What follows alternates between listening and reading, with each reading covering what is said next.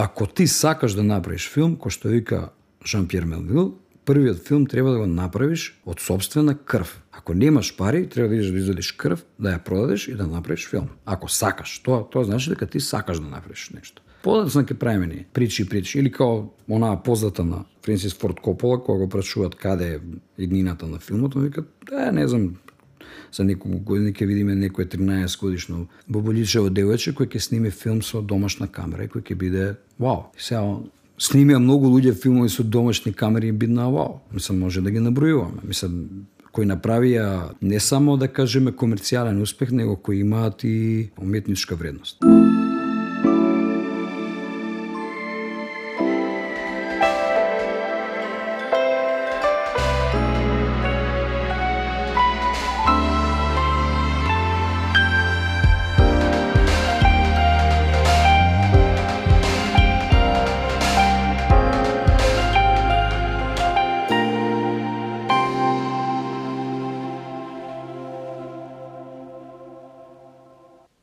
На сите кои што нас слушаат. Во овој подкаст зборуваме со Ивица Димитриевиќ. Ивица е веќе долго време дел од ансамблот на Македонскиот народен театар. При тоа заедно со Мартин Иванов во 2017 ја имаат основано продукцијската куќа Мифилм, која продуцира независни филмови и независни представи и исто така е дел од екипата на музичкиот бенд Трип.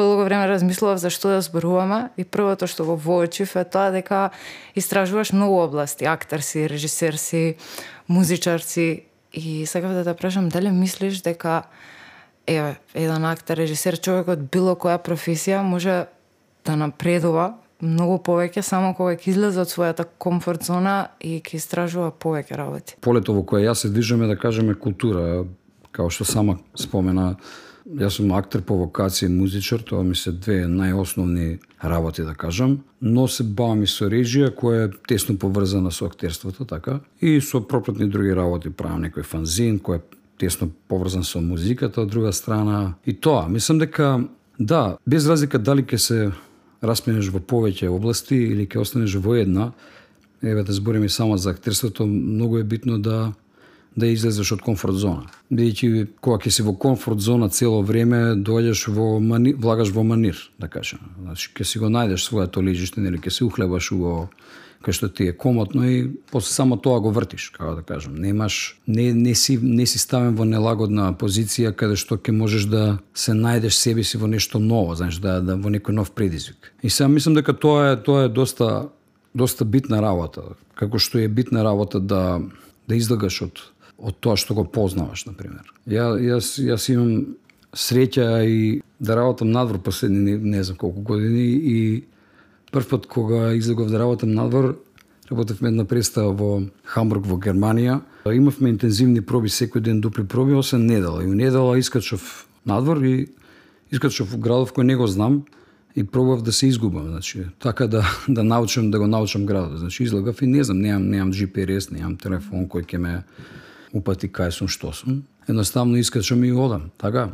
По подоцна ќе се снајдеш, ќе почнеш тогаш си по, како да кажем, посконцентриран на работива. Аха, и оваа зграда ќе запомниш, оваа улица, аха, тука некој детал, за да можеш да се вратиш по истиот пат или не знам, по некој нов пат, некоја логика да развиеш нова. Така да и со нашава професија, мислам, и не само со нашава професија, мислам дека така и со сите други професии, ако сакаш да одиш напред, освен тоа што е нели потребно да учиш, да на, да напредуваш во конкретнава струка, е убаво и да малку да излагаш од таа комфорт зона, така мислам дека се стекнуваат нови искуства, што е многу битно. И така така можеш да погрешиш, знаеш. Ако грешиш е добро и кога се греши се стига до правата работа. Ја спомнам представата која што ја работеше во Германија, зборуваш за кабли или за друга представа? Не, зборувам за една друга представа која се викаше Fictional State, таа е некаде 2012-2013 година. Таа на времето ја правевме со Кристијан Винклер, ака Франц Фран Штоклен. Првата подела бевме јас, Ивана Павлаковиќ и Кико. Христијан Поп Симонов. Да, да, да. да.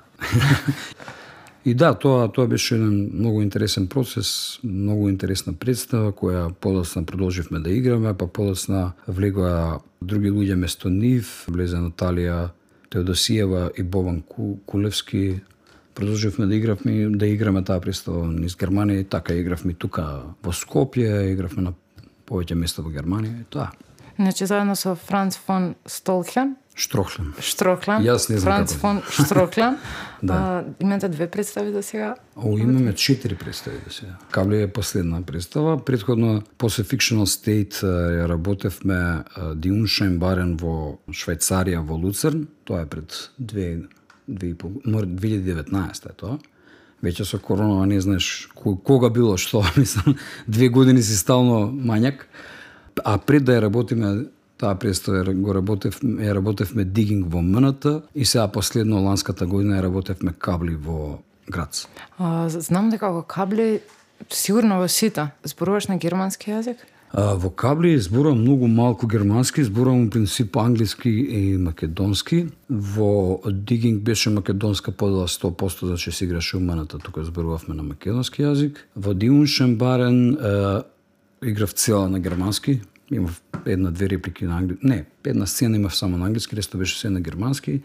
И во првата представа исто игравме на македонски со англиски превод. Добро, еве како е да се игра представа на јазик што не мајчин? Мислам, зборуваш германски или конкретно за представата тоа ти беше задача што треба Да, тоа не зборувам германски, седнав да учам, бидејќи знаев дека ќе ќе одам да работам и дека тоа ќе биде на германски. Одев малку на курс, пошто имав кратко време пред да отидам таму, бев на курс каде што чисто да го фатиш саундот на јазикот, едноставно да некои работи да ги не можеш, не можеш ти да научиш јазик за пет месеци, но можеш да опипаш некои ствари. Така чисто да чуеш како се изговарат некои работи.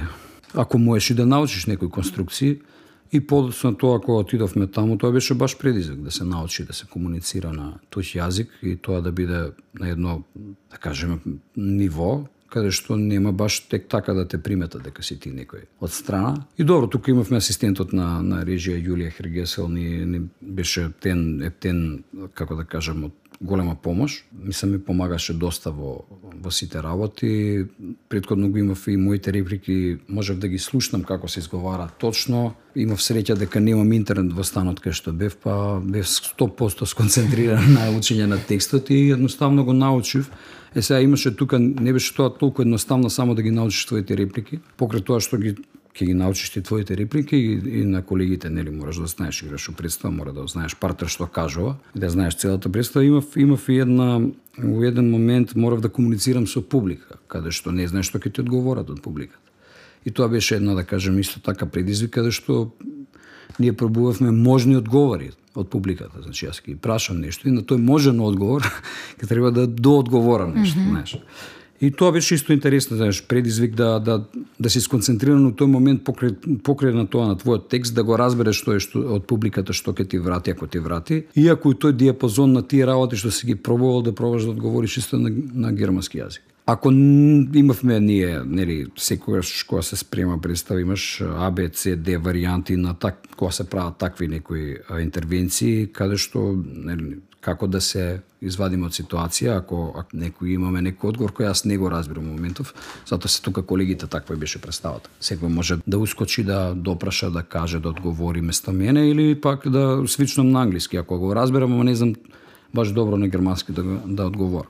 Сето тоа имаше, беше, мислам, дел од концептот на представата. Тоа не имаше, не беше тоа се, аха, овој не знае германски, него ми одговара на англиски, него тоа беше дел од концептот на представата. Добро, ева, ја немам гледана представа во Германија. Кои се нивните јаки страни? кои каков пример може да ни дадат? Не знам што послам сите тие искуства таму, што свети дека може би во што сме подобри или што ни недостасува или што зема, што ти е нај најкорисно како искуство од таму. Театар е сегде театар, сега секој има различен пристап. Германскиот театар, јас колку што сум имал шанса да го видам и да и од внатре и од надвор, они се на пример, они се доста целиот целокупниот систем на функционирање на театрот е многу организиран, значи се се знае. Значи на пример јас кога отидов на прва проба во Луцерн, дел од, гер... од актерите кои беа од Луцерн од, од театрот од Луцерн од асамблот го знаеа текстот. Дел од нив го знаеа веќе текстот на памет.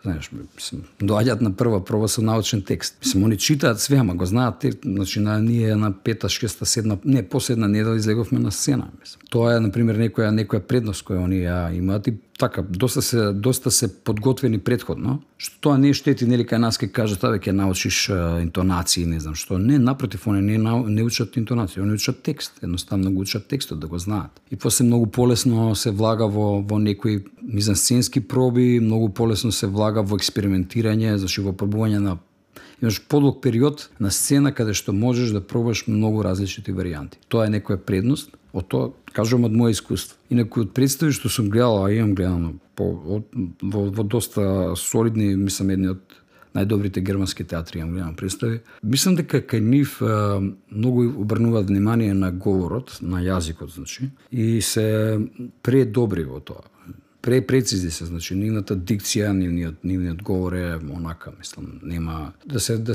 едноставно се дивиш. Ја гледав еден Фауст кој траеше 4 сати прв дел и уште 4 сати втор дел, три, така ја игра еднаш еден ден првиот дел, некој втор ден ја игра втор дел и еднаш у месец ја игра цела 8 сати со паузи. И, например, тој што го играше Фауст, се вика Себастијан Рудов, еден доста, доста, мислам, има сите награди можни ги има собирано за театар во Германија.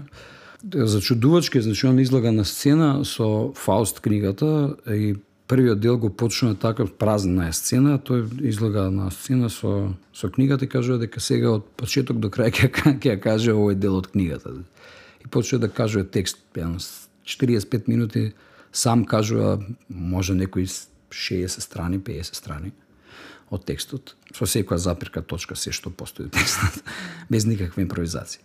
И тоа тоа е за едноставно толку ќе го видиш, тоа е како да ти кажам, тоа е за за, за чудувачки. И друго технички се доста подготвени, значи сите актери најмалку знаат еден инструмент, тоа е као онака, мислам ја не сум сретнал актер што не знае таму барем барем ова гитара да да засвири или не знам нешто да тропка, да тропа на тапани. Сега не зборам ја тука били кобам дека се сите, ама знаат, знаат, о, имаат осет за ритам, знаат да освират. Некој патерн ако треба и така, така. Гитара како што реков, доста да има клавир што свира, виолини. Така да мислам тоа тоа го имаат као Не знам дали тоа го имаат на академија као дека мора да знаат еден инструмент, но имаат таков скил и тоа, тоа не знам, сега ние кај сме подобри, може ние имаме, ние имаме таа, да кажеме, ношалантност некоја, некој шарм. Кој не знам колку е тоа некоја предност или мана, може би некоја е предност тоа што го имаме.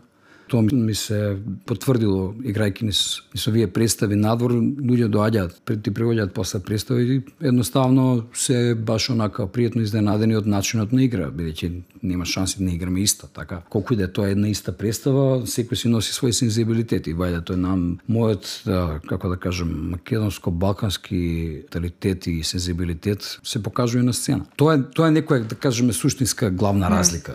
Од друга страна театарот е театар секаде и тоа е тоа, мислам. Као што реков, таму е поструктурирано, се знаат однапред многу работи. Тоа е и си третиран као као глумец. Можеш да бидеш концентриран 100% на твојата задача. И да не се грижиш дали нешто ќе закасни од страна, дали ќе падне, дали ќе се отштрафи или и така натака, така натака. Мислам, тоа е 100%, тоа е 100% покриено и тука немаш никаква никаква грижа. Колку изведби имаат представите таму? Ме интересира дали публиката има поголема навика да оди. Па не, зависи се, зависи од театар до театар. Пример, они имаат, на пример, овие големиве театри што ги споменав, као, не знам, Талија театар, Шаушпиле хаус, Шаушпиле хаус у, у Хамбург или не знам, Берлинер Ансамбл, Камершпиле хаус у Минхен и така даје, така даје.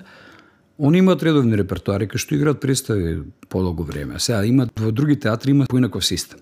На пример во Луцерн и во Швајцарија има имаат поинаков систем. Они играат како на Бродвеј, како на ов Бродвеј. Значи се прави представата и се игра наредни два месеци таа представа, не знам, 14, 15, 20 изведби, зависи од колку е голем градот, колку има, например, од Цирих играат и повеќе, сигурно. Луцерн е малку помал град, таму 15 до 20 изведби се нешто што е нормално. Над 20 е нешто што е, хм, ова се, ова е, значи малку има, нели, ова е нешто супер. А се случува ретко, но се случува некогаш и две сезони да се играат представите. Така да и тоа и тоа се случува, но тоа е тоа е како да кажам, тоа не е не е не е не е принцип. Обично се постава представата и се игра нареден период, наредни два месеци интензивно. интензивно. доаѓа публика, имаш публика на секоја представа, тоа е тоа. А у другиве театри како што ти споменав овие поголемите таму има таму има редовен репертоар се играат годишно. Не, представи некои со години се играат. Мислам, јас знам представи таму што сум јас кога отидов веќе трета година се игра. Како кај нас. Mm. Има публика, да. Се зависи, се зависи која представа, каде се играе, така натако, но, но мислам дека они имаат они имаат оние або што ги вика, тоа е нели они преплатници годишни и тоа е доста голем дел од публиката која си купува годишна карта за сите премиери, за сите изведби, мислам, онака може или или по или по да снимаат како се вика дискаунт на на, на другите карти, така да. Тоа е една константна публика која имаат секогаш. Оваа година исто така беше поставен текстот Горчливите солзи на Петра фон Кант во твоја режија. Јас имав можност да бидам дел од представата и никогаш не те прашав, еве сега сакам да те прашам, Зошто баш овој текст? Па, први фала ти што, што влезе во наша прекрасна екипа, слободно можам да кажам, и беше дел од нашава. Од нашава која зборам спорам за сите кои ја направивме таа представа, значи целокупна екипа од прв до последен со сите луѓе кои работеа позади сцена од Македонски народен театар да не е сега да не редам имиња сите.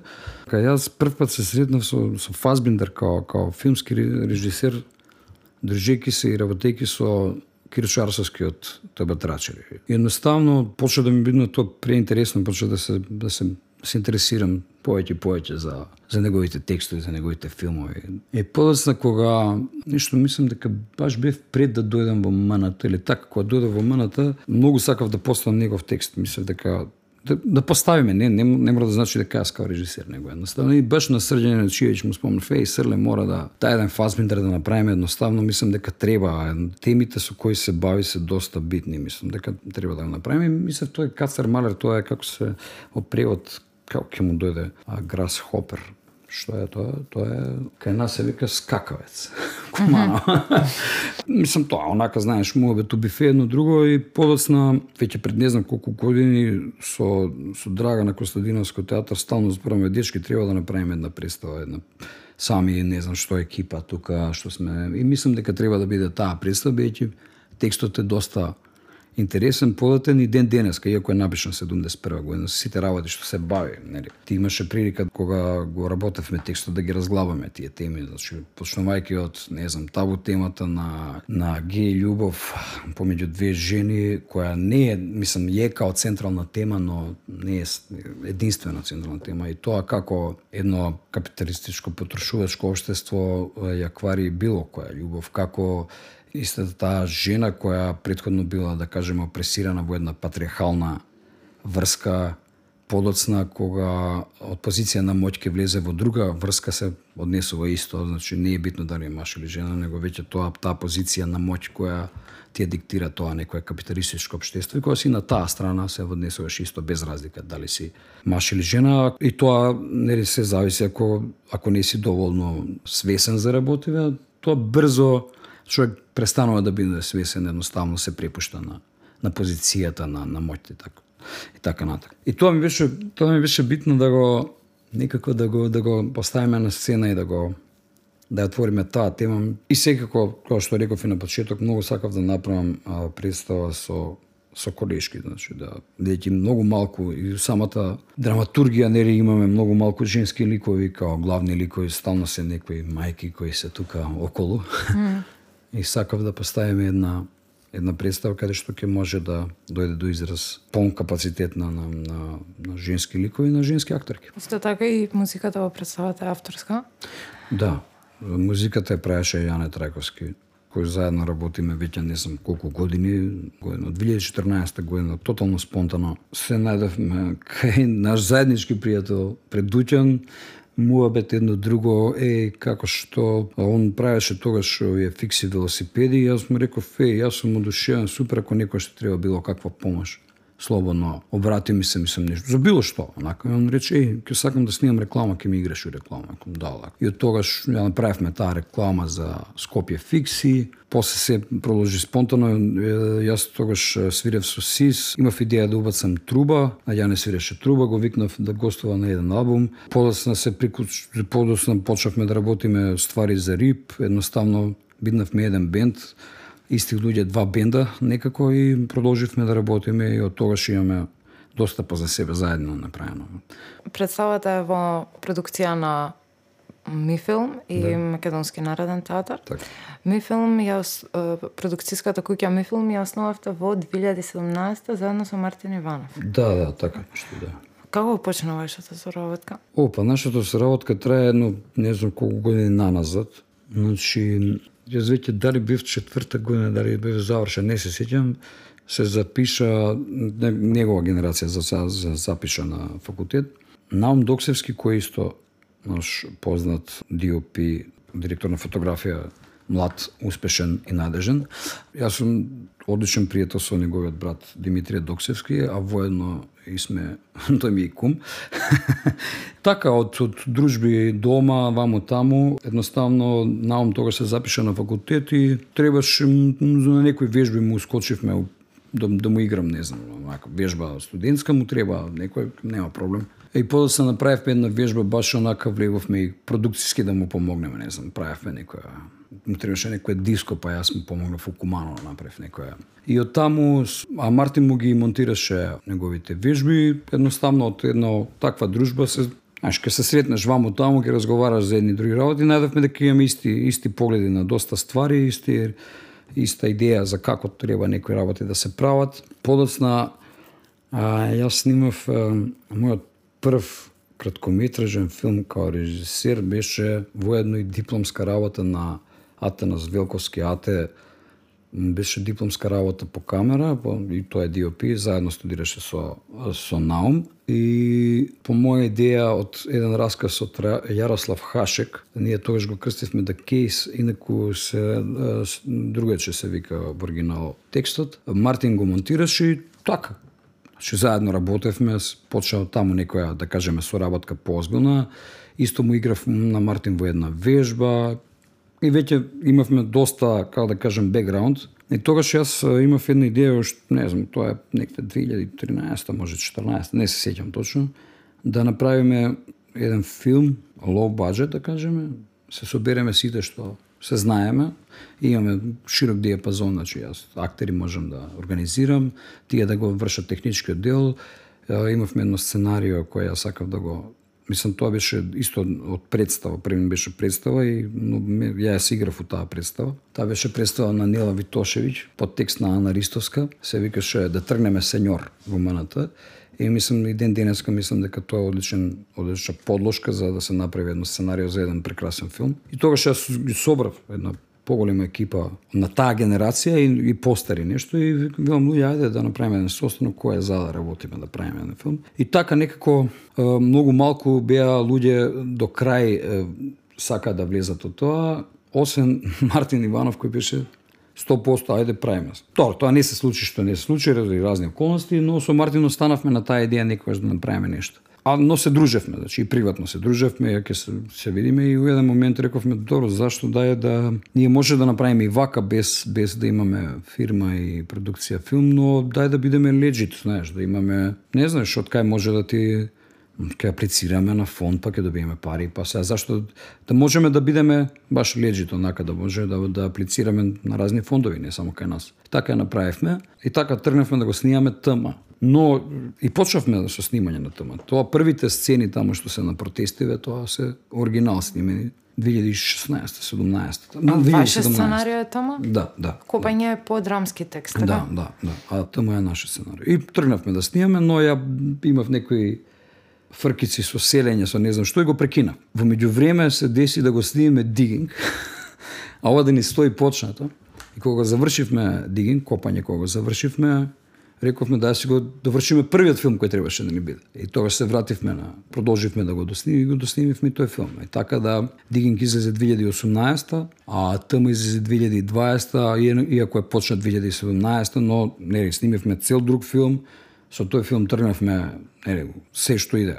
Промоција, не знам, играње у кино, аплицирање по фестивали и така натака и така натака. Меѓу време работиме јас и тој свои базични професии. Јас како актер и си терам со бендоите, тој си работи монтажа. После тоа, веднаш кога завршивме Дигинг, кога влеговме монтажа, го довршивме сним, снимај, снимачкиот дел и на тема и едноставно си дојде последователно да 2019 седнеме да го монтираме, 2020 искочи. Имавме тука некои технички потешкоти, но, но ги средивме сите, така да, еве, и тама си го виде светлото на денот на Cineday's и на Beach Film Festival. Играше на Dream On Short Film Festival, спе, специјална програма, каде уште, мислам дека на четири фестивали сите што ги имаме тука се играше во Македонија и подо, и отиде подоцна на уште едно 11 фестивала надвор. Што онлайн, што што што живо, мислам. Топ. А кои се фестивалите? Дали постои на филмски фестивали одредени се за независен филм или не е така правилото? Па не, не, постои основна подела на фестивали е нели на оние А категорија што се фестивали, Б категорија, С категорија да кажеме и некои кои не се рачунаат во кои не се акредитираат, да кажеме така. Сега имаш и, имаш и онака специализирани баш за индепендент филмови, имаш специализирани, не знам, разноразни ова на Film Freeway имаш мал милион фестивали каде што можеш да аплицираш. Сега тоа зависи од твојата желба и од твојата идеја за твојот филм, дали сакаш да иде на ВОД, дали сакаш да иде на онлайн фестивал, дали са дали ќе очуваш само за големи фестивали, па ќе пробаш да ќе пробаш среќата, не знам на не знам на овие фестивали од таа категорија, но и за тие фестивали си има некоја нек, ајде да кажам правило како се како се аплицира, како се оди на тие фестивали, што не мора да значи дека не може еден индепендент филм да отиде, имало милиарду случаи кога отишле, но патот малце потежок, нели? Ние си знаеме колку ни е чергата, така толку ги пуштаме и нозете, мислам. Ти можеш да аплицираш на Кан со ТМ или со Дигинг, но знаеш дека нема да добиеш. Мислам, не е проблем ти да аплицираш. Тоа никој не ти брани. Сега негде се плаќа аплицирањето, негде те повикуваат тони ќе те видат. Сега на некој фестивал негде ќе се одигра филмот, па ќе го види некој друг селектор, па ќе ти го повика. Таму филмот и тоа е тоа, мислам. Како и за се друго, но тој контекст, таа бранша, фестивалскиот циркот што го викат, нели, круг е таков. Може да може да идеш на А фестивали, од тука веќе кога ќе влезеш на еден фестивал официјална програма и ако добиш уште награда веќе си ти влезен А фестивалска А фестивалски овој круг и тогаш што викаат и другите канат и полесно е да аплицираш mm. и да влезеш во друг на друг фестивал, например, ако ти си игра у Кан, сигурно ќе играш у Берлин. Голема е веројатност, mm. како да кажам. Или у Берлин ако ти си игра у програма, ти си игра и у Кан. Еве види со другите филмови како е, мислам, и со холивудски, не само со холивудски, и со стран, мислам со другиве продукции. Ако играл на, еве, ова како се викаше, на Паразит. Ага. Не, тој се, се играше на еден фестивал, освои пет награди и подоцна играше на сите фестивали, така. Кој не би го викнал у тој момент филмот кој кој кој, кој руши бариери. Така секој сака да го има на фестивал. Да, јас на пример тамо го гледав прв пат на Beach Film Festival Да. И подоцна читав интервју и сватив што и како прави тоа, дека е независен филм, дека е да, сум читала и порано за оке инди филмови и сето тоа, ама не знаев, може би има и пред вас, јас не знам. Луѓе кои што снимаат независен филм кај нас, ама може би снимале и не искористиле да го кажат тоа јавно, да биде кажано доволно јавно. Поента да ми беше дека јас бев као Океј, зошто не ми текнало? зошто сед... Значи, јас мислев дека единствената опција е океј, седиш и сега чекаш. Чекаш кастинг, чекаш нешто. Да, да. Не се дешава ништо. Представа да спремаме сме имале такви проекти, ама многу Така. е полесно да најдам простор било каде, да се да собереме луѓе.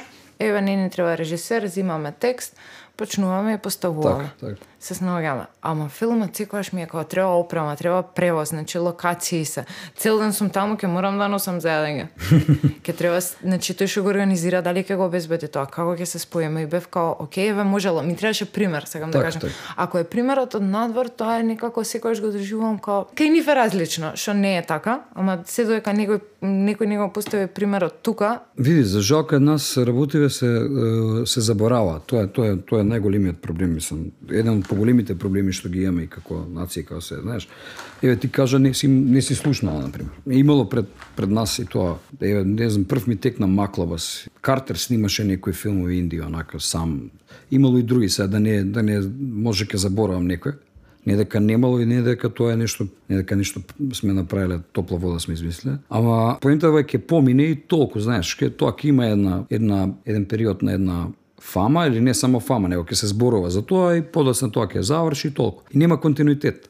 Значи нема втор, нема трет, не се прави екипа, аха, па некој да се инспирира. Добро, не мора секојаш да биде така, може некој тој другиот што ќе се инспирира ќе направи нешто. Значи не како со бендови на пример. Со бендови гледаш некој бенд, кога си клинец, кој имаш 14-15 години, идеш на концерт и ти се воодушеваш и земаш гитара и правиш. Пошто тоа е ништо гитара ти треба да вклучиш упачало и, и не, не, не мора пробувална да имаш, можеш дома да правиш. Колку проби сме направиле дома. Знаеш, е тоа се Точно дека со филм е многу потешко, бидејќи е многу покомплексна организацијата и така дали, така дали. Ама од друга страна не е неможно и а, таа мистификација која владе кај нас е погубна за луѓе да влезат во процес, па макар и погрешиле. Знаеш, кај нас стално се, а не, тоа е тешко, се мистифицира. Кој па ти треба да има, па ти мора да имаш Арија Лекса, знаеш. Тоа е, тоа е стандардот. А ако земеш да отвориш еви на фестивали, колку филмови се снимени без Арија Лекса, него со некои други можни гаджети, не само не само камери и апарати, него гаджети, имаме филмови во задњо време со мобилни телефони снимени, ако Годар снимаше со мобилни телефони, ја не знам што се мистифицира тука. А 90% од филмаджи го, им, го имаат за, за, за узор Годар и се он снима со у 90 години тоа со мобилни 80 кусор со мобилен телефон, зашто он не застанал време ние нешто се правиме фраери дека не може. Знаеш, не, не дека, пази, тоа пак избор на, на лична како да кажам, личен поглед на режисерот, едно е да снимаш на лента, друго е да снимаш на Арелекса, трето да снимаш. Но, ако ти сакаш да направиш филм, кој што вика Жан-Пьер Мелвил, првиот филм треба да го направиш од собствена крв. Ако немаш пари, треба да идеш да извадиш крв, да ја продадеш и да направиш филм. Ако сакаш, тоа тоа значи дека ти сакаш да направиш нешто. Подоцна ке правиме ни причи причи или као онаа позната на квот на Френсис Форд Копола кога го прашуваат каде е иднината на филмот, он вика, да, не знам, за неколку години ќе видиме некој 13 годишно боболичево девојче кој ќе сними филм со домашна камера и кој ќе биде вау. Сега снимија многу луѓе филмови со домашни камери и бидна вау. Мислам може да ги набројуваме. Мислам кои направија не само не само да кажеме комерцијален успех, него кои имаат и уметничка вредност ако ако земе Blair Witch Project го смени тотално овај хорор жанрот. Го постави она наоѓање на, изгу, на изгубени ленти како се викаше тоа? Tape found horror movies го постави на еден пиедестал знаеш. Тоа почна по, подоцна да се да се изнаснимија 100 такви филмови. Но тоа сакав да кажам мистификацијата и стравот од грешка е најголем проблем кај нас во однос на кога се пробува да се направи нешто, особено филм. Е комплексна работа, не е тоа сипи набисе, но ако се сака, се може. Пред све треба да имаш добра екипа која ќе верува во тоа и која ќе ја најдеш правата екипа. Има и уште мал милион препреки, но се надминуваат. Ако се сака нешто, се доаѓа и се постигнува некаков резултат. Сега, пак ќе кажам, мора да се научиме дека не, нема со првиот филм било кој овдека да, мислам, дај Боже да има и такви. Дај, дај, камо таа среќа да, еве, утре некој студент или не мора да е студент, направил филм и добиеме, добие огромен публицитет, Оскари, и стварно тоа вреди. Јас сум, јас би бил најсеќен да се случи такво нешто, но мора да се помине и некој пат. Обично е некој пат се поминува. На грешка, на краток филм, на ваков филм, на наков филм, на инди филм, на Значи мора да се помине некој пат за да се дојде. Јас јас сум таков, мислам како да кажам сега глупа за себе да зборам, но не не се плашам од грешки и имам среќа да да имам стварно супер соработници околу мене. И луѓе дали ми веруваат кога пробам да ги кажам своите идеи гласно, некако се наоѓаат усе тоа и скокаме заедно во авантура и стално еве фала на Бога до сега излегло се како што треба, мислам, како што сме го замислиле горе доле во однос на филм, а во однос на други работи исто. Представа, бендови, толку албуми, концерти, фестивали се. Значи, ај вака чисто да да има некој као онака да сумираме. Да, заклучок. Можно е, човек само треба да сака и да е да да не се плаши да погреши и ќе направи. Има ли пред нас луѓе кои снимале независни филмови, ќе има и после нас И ние ќе продолжиме и независни, и зависни, и секакви. И тоа само би сакал да разграничам, знаеш, кај нас стално, а веќе и у светот, знаеш, кој кажеш инди филм, инди филм денеска е широк, широк поем. Инди филм ги сматраат и филмови со милионски овај буџети, инди филм ги сматраат и филмови со zero budget или мислам филмови скоро без буџет.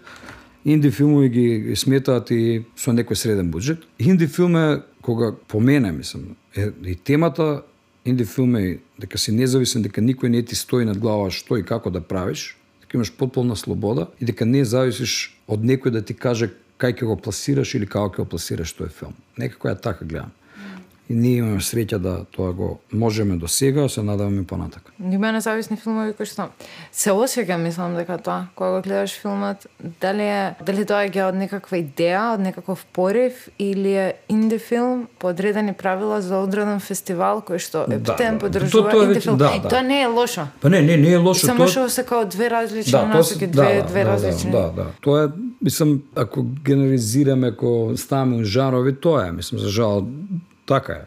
Но ако влеземе малце подлабоко, може веднаш да се направи јасна дистинкција. Аха, ово е да, инди филм овој овој контекст. Да, он ги добил, парите ги нашол сам или ги добил од негде, не е зависен од некоја голема, да кажеме, продукцијска куќа, не знам, А24 или не знам, не стои поза него HBO или не знам како. Да, они сами си ги нашле парите, тоа е индепендент филм, али има пари. Имаш индепендент филм кој е со помален буџет, имаш индепендент филм кој е без буџет, кој е луѓе нели?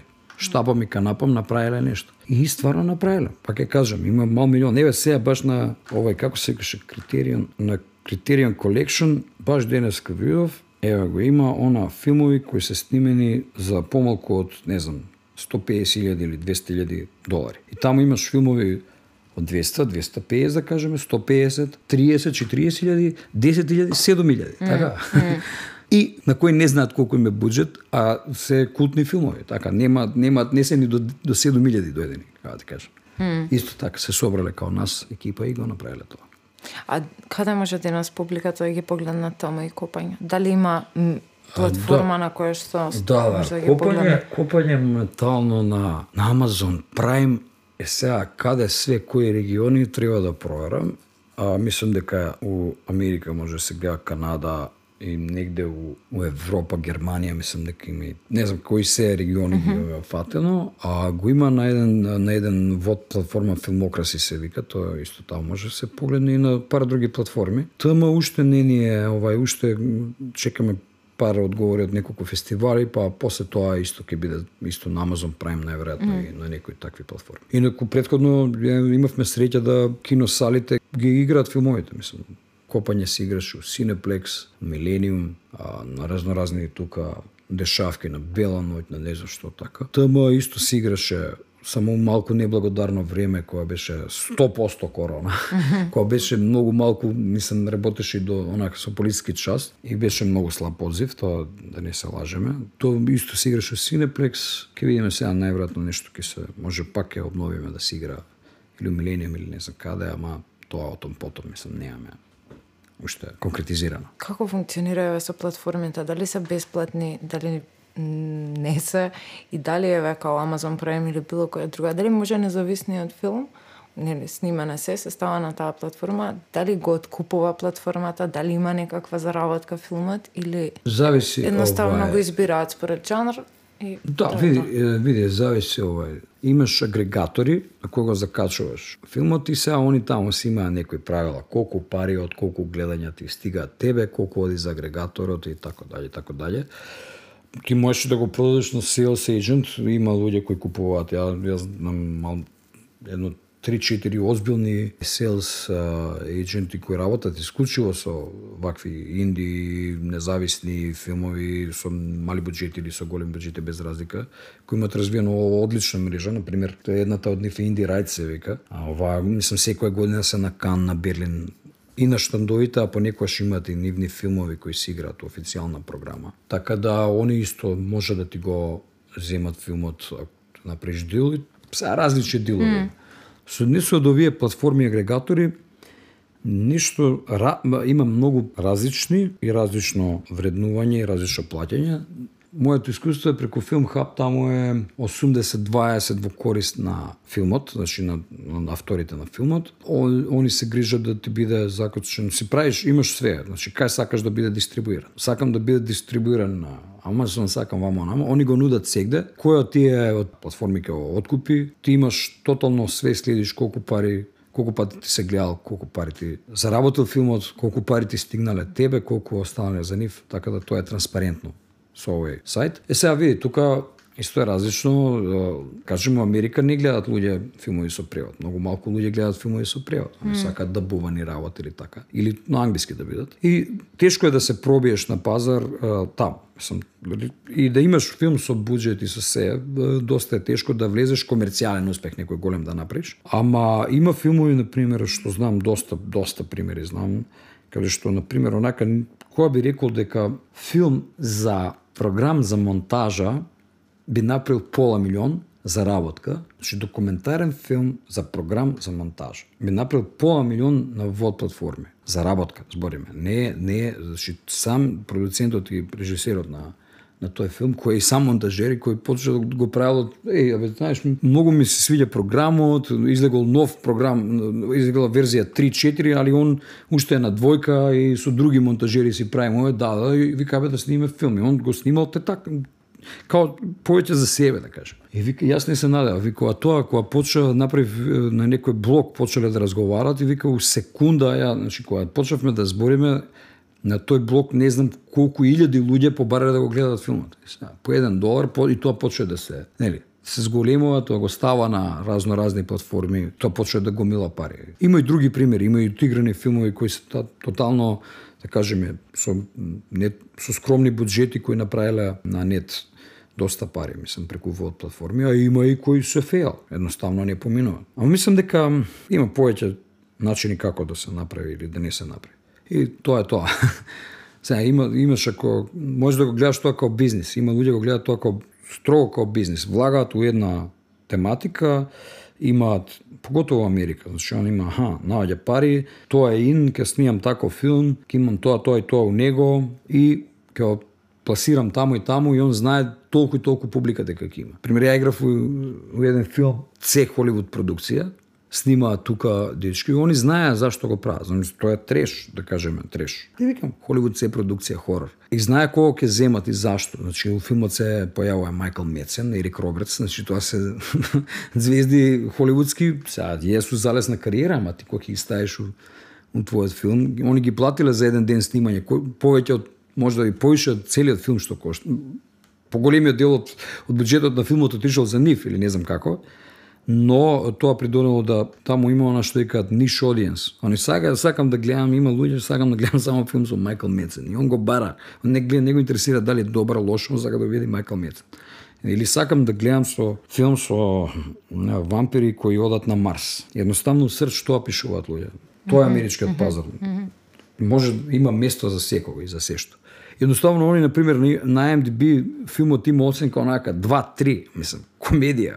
Ама они го сега снима број 2. Баш сега у периодов снима и тоа пак во Европа дојдоа да снима у Грузија, не знам каде со пар е издел од кастот, пар се други луѓе. Значи они го снимеа тоа излезе 2020 направија DVD, го разбиат продавање и, и зема да прават број 2. Значи не, не интересира 2-3 оценкава на на овај на IMDb зашто они знаат зашто го направиле. Они го направиле за една конкретна публика кај што знаат, прилика знаат колку ќе ќе имат гледаност, колку DVD-а ќе продадат и колку ќе заработат за тоа. А имаш и модел како што ти реков, едноставно го правиш за себе од, од, од свој порив, од, од без разлика дали тоа уметнички или не знам, и као ово што ти кажав, сакал да, да, да си направи филм за програмата која му се свиѓа и едноставно тоа после да проработи така јако да испозаработи толку пари. Еден ден снимање како изгледа? Па еве на пример баравме куќа со нели локација која ќе има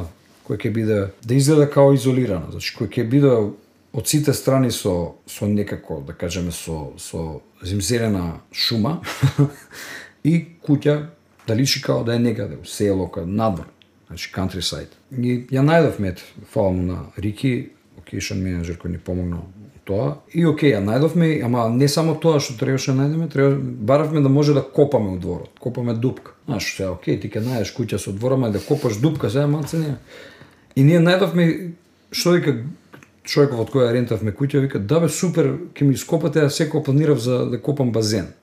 Сега, тоа ти кава да кажам, тоа е, ајде, нека ми каже некој дека тоа да сакаш да го бараш кај најдеш. Тоа да се тоа е, ама само тоа се наоѓа само кога има таква фокусирана енергија дека сите влагаат, е ќе го направиме ова. Ние тоа се договараме све. Се треба да идеме на локација после некое време, кога треба да почнеме да го снимаме филмот. Доаѓаме има проблем. Човекот веќе го искупал базенот. И сега што правиме? И се цела организација ние направивме тлоцар на, на како ќе ни бидат поставени камери, што ќе снимаме, кај ќе снимаме. И се доаѓаме и онда седнеш со тлоцартот и викаш, аха, ова е позицијата, добро, е сега ќе најдеме друга позиција, кај ќе поставиме камерата, да не се види кај ќе копаат актериве, бидејќи до нив на 3,5 метра е базен, ископана огромна дупка. Така ти се прилагодуваш на условите кои ти се неочекувани у тој момент, така? И ете искочи све, и копавме, и правевме, и се случија тоа работи кои се случуваат. Или, например, немавме шминкерка. Сакавме да имаме шминкерка, пробам да барам, наоѓам една девојка која случајно у еден тотално неврзан муавет пред две години пред да го снимам филмот, седиме у кафиче, збориме и она ми пријаѓа и вика, е, ако некад ви треба, јас сум шминкарка, да знаеш. Е, супер ова. Од тога си имаме на фейс, немам поминало. И сега замисли ти треба да напишеш на човек кој кој знаеш од изведење, здраво, здраво. Але ние ете, ако ти текна на тој мовет пред две години, ева ќе снимаме филм, па ни треба шминкер, дали би можела некако да ни помогнеш, а? И он река, извини, ја работам се во момент еден едиторијал, не сум можност, али ќе ќе една група на шминкерки, може некој ќе сака. Што се работи, ја пишам јасно. И значи ние идеме на прв ден снимање, треба да почнеме да снимаме од 7 вечер, па што се бендот бендотни снимање средуваме све, подготвуваме снимање, зборим се. Јас се спремам да играм, пошто играм во филмот. А на мене на секој 5 минути ми се уват непознати броеви, ми викат здраво, одека таа и таа, ќе снимате филм, јас сум таа и таа шминкерка, таа и таа ми го даде бројот. И сега ја објаснам на секој, да, ова и ова. Каде, и каде ќе се снима у Бардовци? Хм, сумњиво. Тројца мажу. Хм, аха.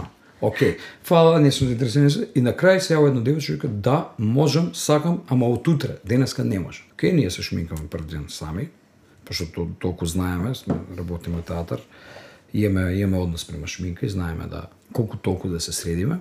И втор ден со, ја возам, ги собирам цела екипа и собирам цела екипа и се договараме девојчето да го собереме и го собираме девојчето со куфер, се ставаме кола, сите мажи у кола, само таа девојче седи од позади, фактички седиме напред јас, Димо Попов од позади Мартин, девојчето фактички доаѓа у средина да седне и се збориме ние уфурани за филмови, си кажуваме, а, оно е таму кој го правело Орсон Вилс, кој правело, оно кој правело, знаеш, ти си у твој филм, застануваме кај некој само што еден дечко да собереме, се качува Раша, седно е оно у средина, И ја момент збориме ние тука и идеме на кај Бардовци. Ова. Возиме збориме и уведем на семафор Оно еден момент ја гледам ретровизоре као као у Фирин Лоатинг и Лас Вегас оно што ќе соберат по пат како се викаше овој пребледена и праша извини а кај идеме Ја викам, сега ти у тој, ја у тој муабет, Бардовци не се секирава. И ти нешка, не, стварно, стварно, викам, Бардовци таму ни локација, као, што ти си рачунаш дека она дел од екипа дека знае све, дека ова влага тотално непозната екипа, непознати луѓе, е возат у Бардовци, седи у средина у кола која е, ова, мислам со опреми со све. И супер, тидовме таму, се запознавме, направи и снимаше со нас, мислам. И затоа викам на Мартин такви некои ситуации треба да ги запишеме чисто да еве некој ќе се инспирира, пошто ја кога читам, не знам за за не биографија ли еве за за снимање за некој за филмови, некој кој раскажува, те инспирира, знаеш. Да што јас многу од работиве сум инспирир, сум кренал да ги правам кога сум видел дека ги правил, да ги правеле луѓе пред нас. Не знам, почнувајќи од Корман, кој Роджер Корман кој има снимано мал милион филмови, така Ранен Ган.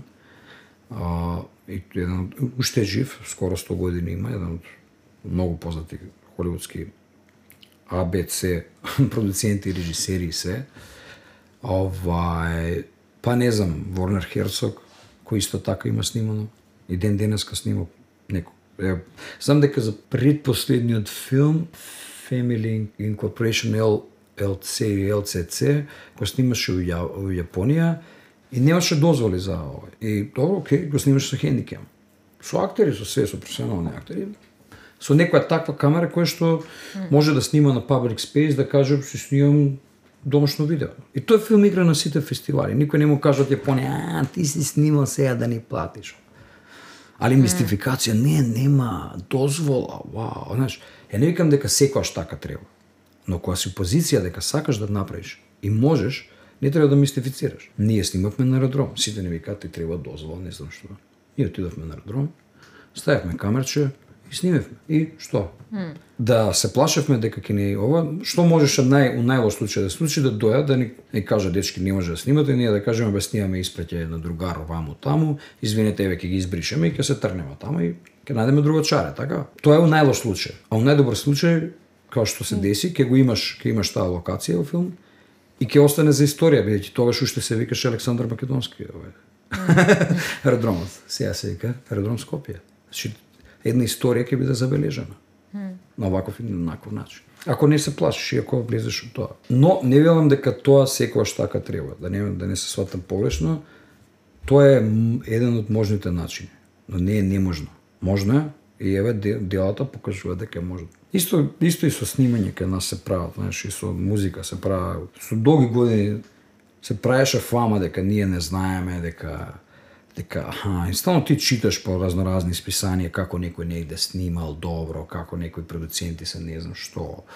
И тоа е точно, точно тоа. Рекоа кога деве сега во време на, на интернет кога кога почнавме да имаме слободен пристап до многу информации, кога ќе седнеш, кога ќе слушаш Рик Рубин кога ти кажува работи кои ти си ги правил, така? Мислам, сега Рик Рубин не се споредувам, не се поистоветувам со Рик Рубин, еве, ама некои работи се исти. Таа е гитарата, тоа е појачалото, позиција на микрофон се тие можни. Таму ваму е нам. И ресто е све експериментирање. Кога оставиш таму или онаму или оваму, мало познавање од акустика и треба да имаш, ама може и да немаш, па на сеќа да ти се погоди.